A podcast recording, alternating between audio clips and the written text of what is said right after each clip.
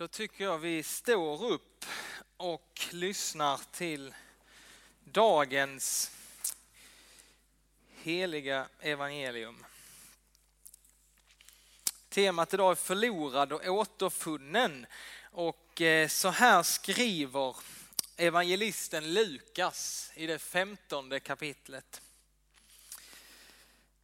Alla tullindrivare och syndare sökte sig till Jesus för att höra honom. Fariseerna och de skriftlärda förargade sig och sade den mannen umgås med syndare och äter med dem. Då gav han dem denna liknelse. Om någon av er har hundra får och tappar bort ett av dem Lämnar han då inte de 99 i öknen och går och letar efter det borttappade tills han hittar det? Och när han hittar det blir han glad och lägger det över axlarna.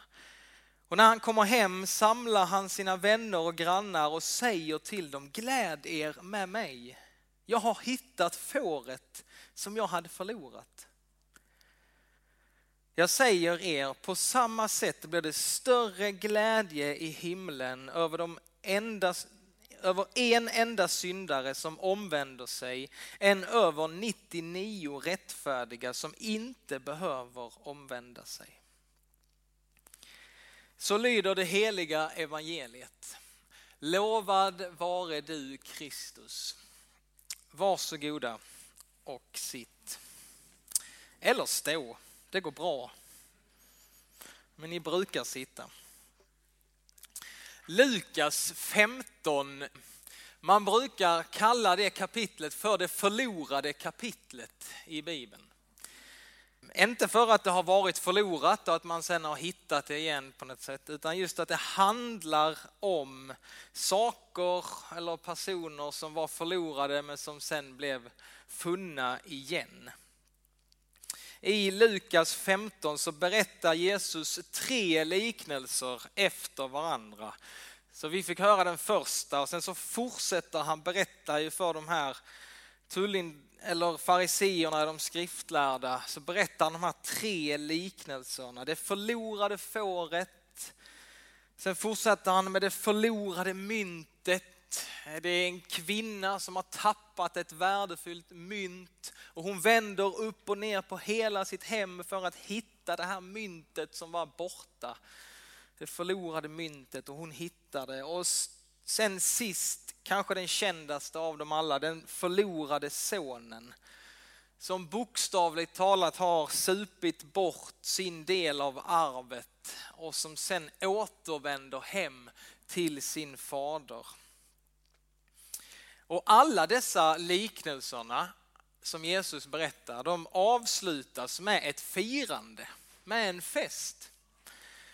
Mannen som hittar fåret, det står ju att han samlar sina vänner och så säger han till dem, gläd er med mig, jag har hittat fåret. Kvinnan som hittar myntet, hon samlar sina väninnor till en glädjefest och säger, gläd er med mig, jag har hittat myntet. Fadern som springer sin son till mötes, överöser honom med kyssar och han ställer till med en stor fest. Slaktar gödkalven för att fira att hans son har återvänt hem. Och inte nog med det firandet så berättar Jesus, upprepar vid två tillfällen vid de här liknelserna, att på samma sätt säger jag er, gläder sig Guds änglar i himlen.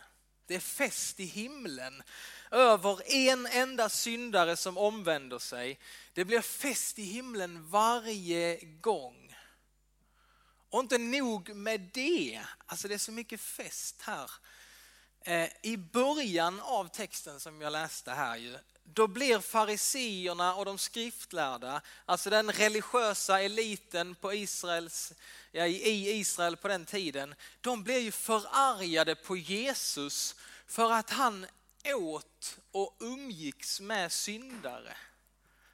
För att Jesus på något sätt firar glädjefest med fel personer, fel folk och man kan ju tänka Jesus, han hade säkert hur trevligt som helst, men de religiösa personerna som stod och tittade på, de förstod inte vad är det som händer? Varför beter han sig på det sättet? Vad är det de firar?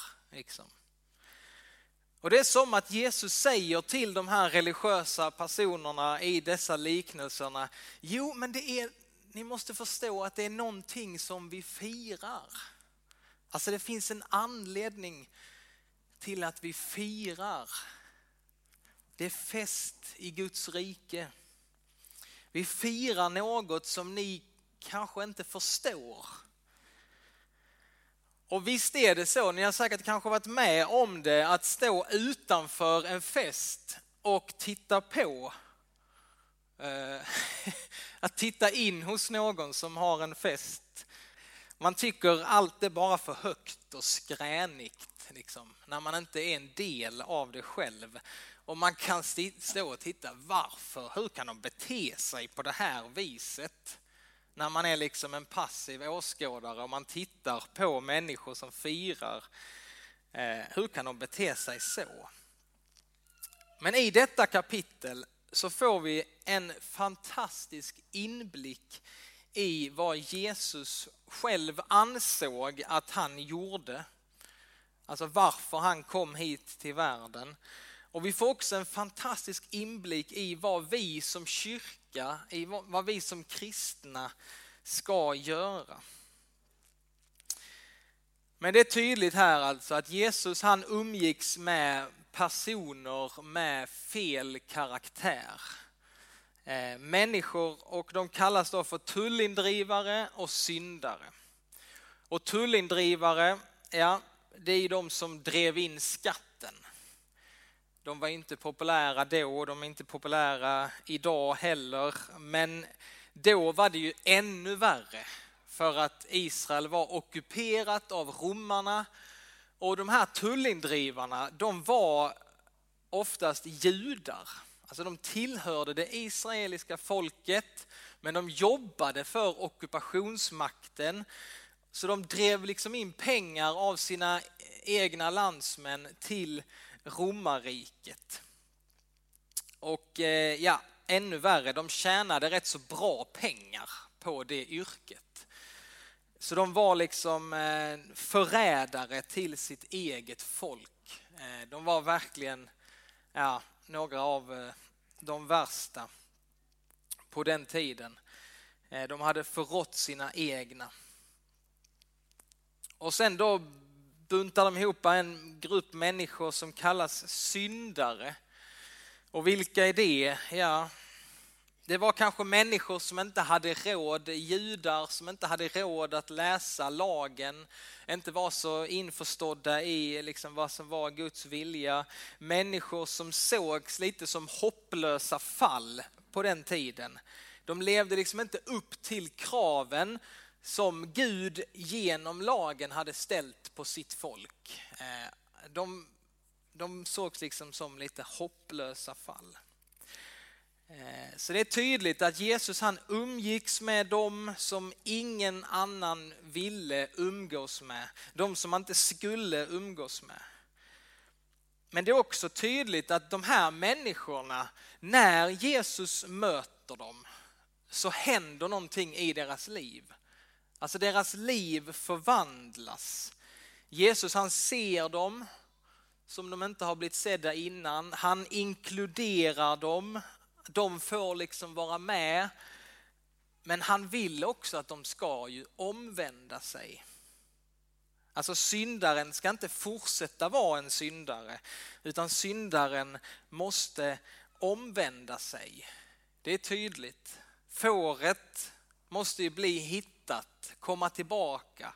Myntet det blir återfunnet och sonen han fortsätter inte den liksom dåliga vägen som han har gått utan han vänder tillbaka, han vänder om igen till sin far. Så Jesus vill att vi omvänder oss till honom men han ser också på liksom det här med omvändelse på ett helt annat sätt än vad fariseerna och de skriftlärda gjorde då. För den här religiösa eliten, de ville ju liksom att eh, människor skulle leva precis så som de levde. De skulle liksom passa in i den religiösa mallen. Men Jesus var inte så intresserad av det. Han ville att de skulle istället följa honom, följa hans väg. Det var inte liksom den här kravet på en yttre omvändelse utan Jesus han var mycket mer intresserad av en inre omvändelse i deras liv.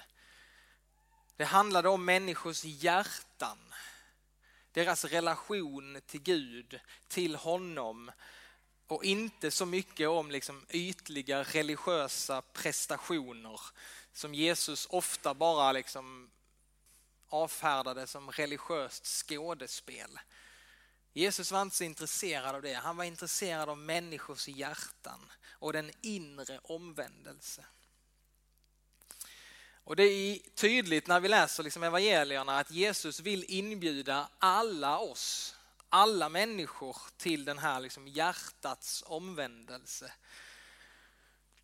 Men det är rätt intressant när han säger till fariseerna och de skriftlärda i slutet av vår text så säger han så här Ja, det blir större fest i himlen över en enda syndare som omvänder sig än över 99 rättfärdiga som inte behöver omvända sig.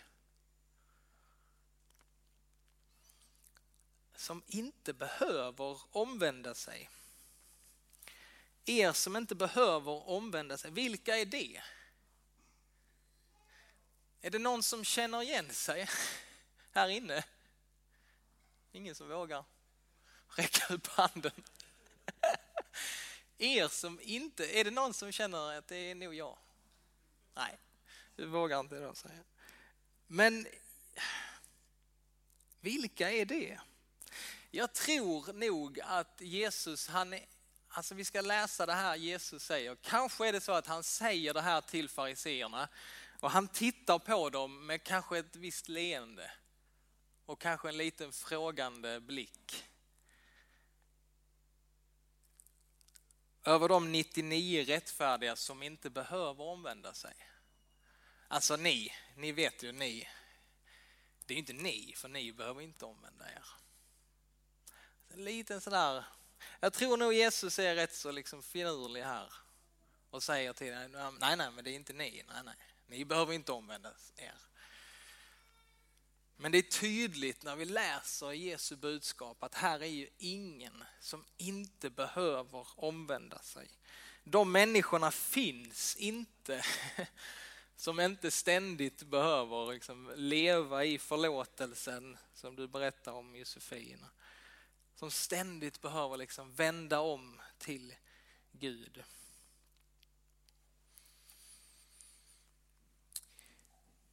Jesus vill här på något sätt förklara varför han firar, varför han håller fest med syndare och tullindrivare. Och så vill han förklara, så säger han, jo men det, ni vet att det, det, när vi firar här nere, som ni ser, ja men då pågår det samtidigt en fest i himmelen. Änglarna är med och firar, Gud själv är med och firar och om inte vi firar här nere, då är vi liksom inte riktigt i fas med Guds verklighet i himlen. Alltså så på himlen, så och på jorden. Och idag så tror jag att han vill på något sätt bjuda in oss till den här festen. Du och jag. Och han vill på något sätt säga till oss, stå inte utanför och var butter och frågande.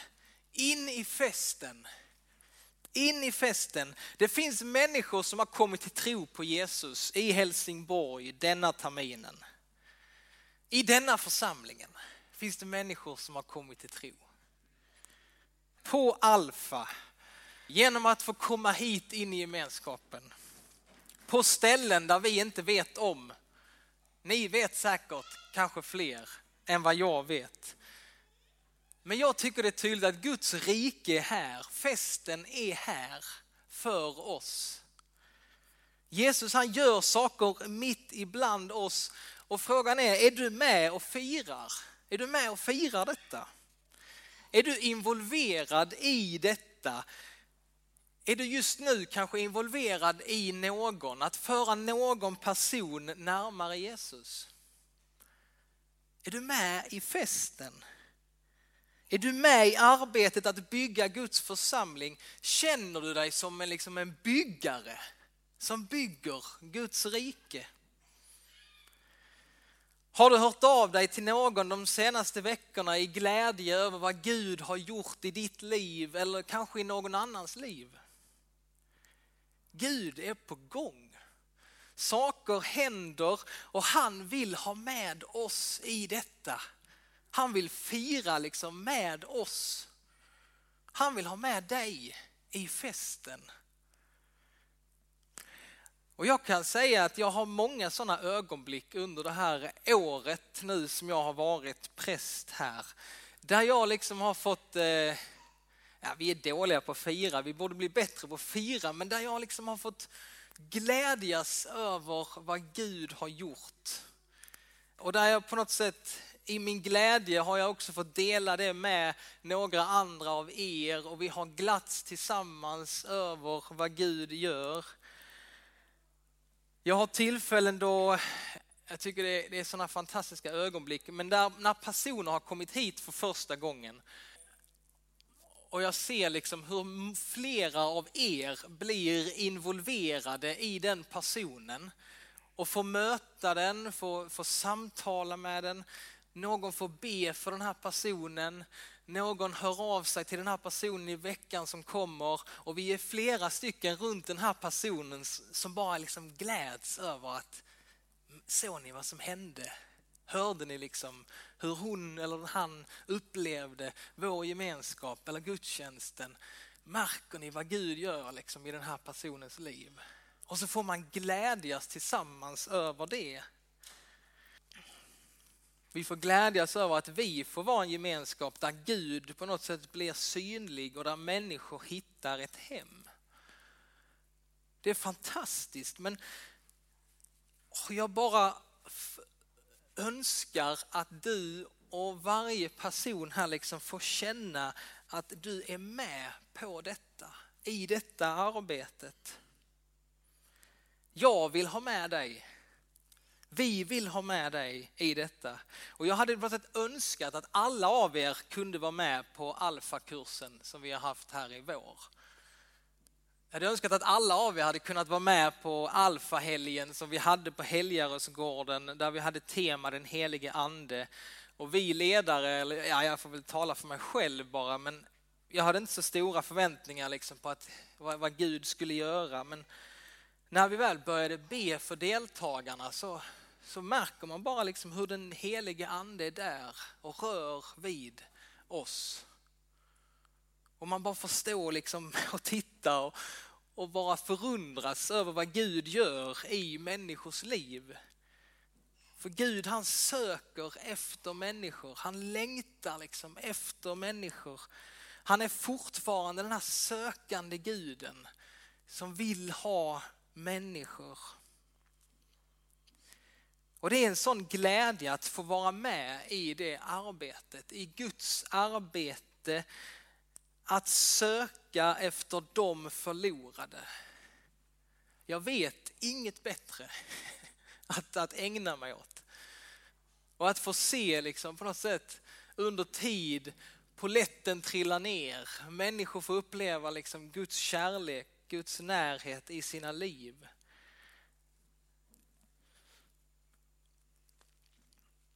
Och något av det bästa liksom under detta året också som präst här, det är att få se den glöden också i några av eras ögon. Liksom se den här när, det, liksom, det börjar lysa i flera av era ögon när ni berättar om olika personer som närmar sig Gud eller som närmar sig liksom honom. Någon av er har tagit med en vän hit och liksom vi får glädjas tillsammans vad Gud gör.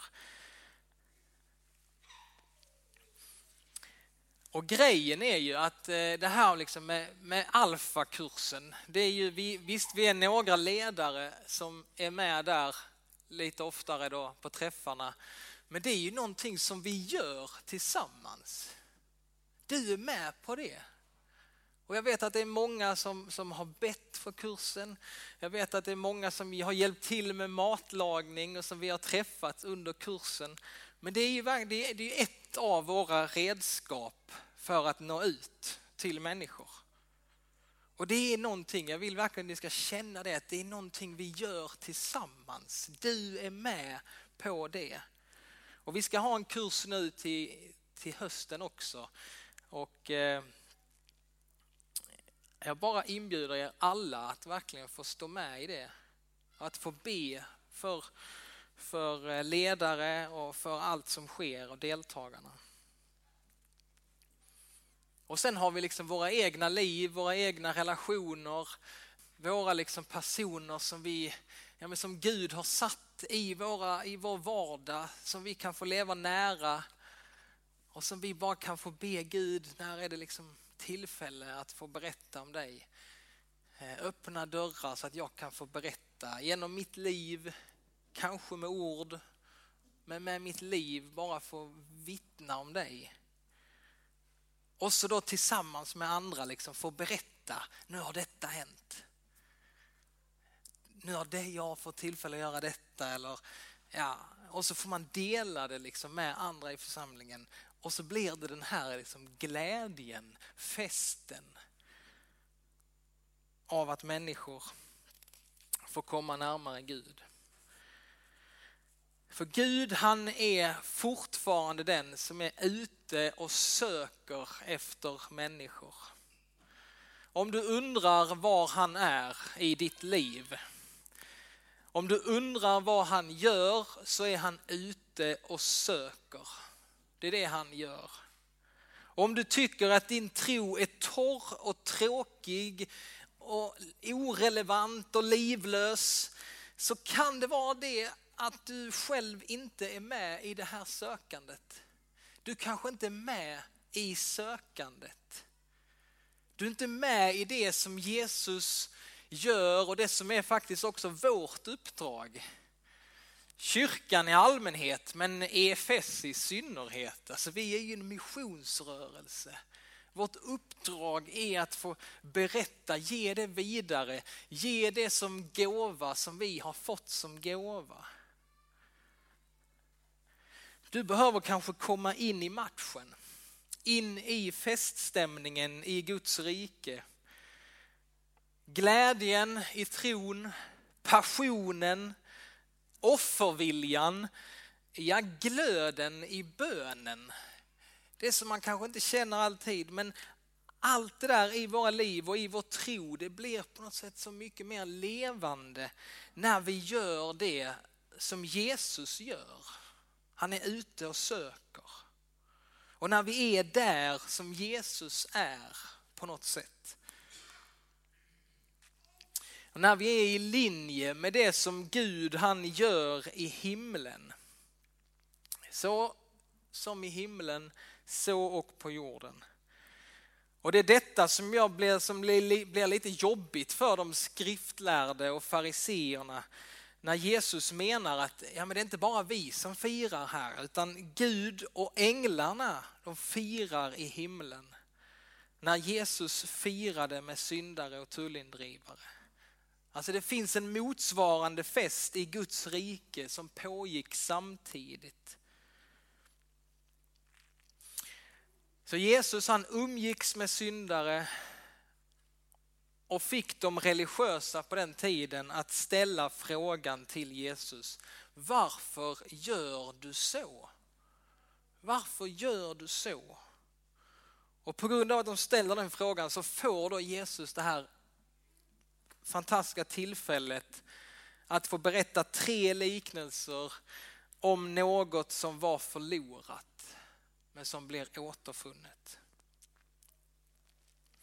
Och frågan till oss på något sätt, till vår kyrka, oss som kristna, vad kan vi göra som kyrka, som kristna så att människor börjar fråga oss, varför gör ni så? Varför gör ni så?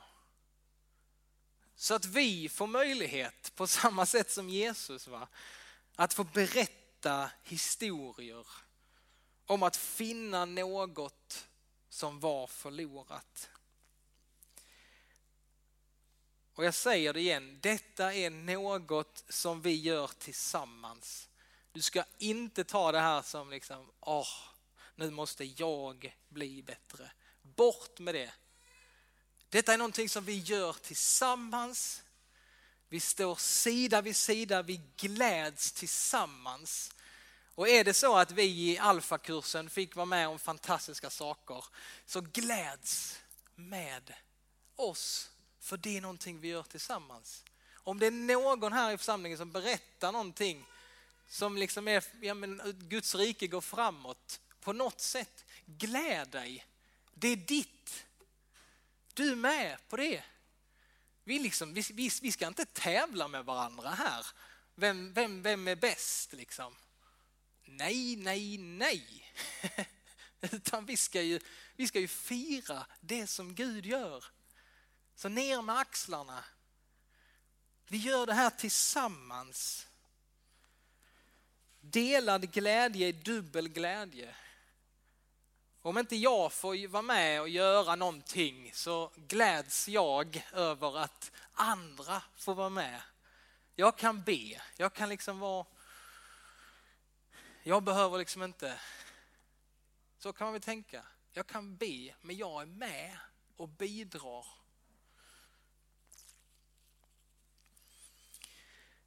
Och till sist den här söndagen så vill jag säga samma sak, uppmana till samma sak som jag uppmanade till på förra eh, predikan, förra veckan. Och då handlade det också om festen i Guds rike. Eh, och då sa jag så här, låt oss ta Jesus uppmaning på allvar. Och han sa så här i den liknelsen förra söndagen, när du ska bjuda till fest i sommar Ja, han sa inte det riktigt, men jag säger det. När du ska bjuda till fest i sommar, bjud då någon som inte brukar bli bjuden. Och detta är ett fantastiskt sätt för oss som församling denna sommar att när verksamheten går ner här i denna lokalen, låter våra hem få vara platser där Guds rike kan bli synligt. Och där vi på något sätt får fira fester i samklang med festen i Guds rike. Fester för det som var förlorat är återfunnet. Vi ber tillsammans. Tack Fader i himmelen för den du är. Och vi ber att vi ska få eh, lära känna dig ännu mer. Vi ber att du ska drabba oss med ditt hjärta för människor och för din värld som du älskar. Vi ber att du drabbar oss som församling, Herre, med ett hjärta för mission, ett hjärta för människor som inte känner dig. Herre, låt oss få vara en församling som tillsammans får vara ute och söka tillsammans med dig. Och få fira. Vi vill fira oftare och oftare, Herre, att människor kommer hem till dig och får lära känna dig, Herre. Vi ber om det, Herre. Använd du oss Gör oss lika dig. Låt oss få vara där du är, göra det som du gör. I Jesu namn, Amen.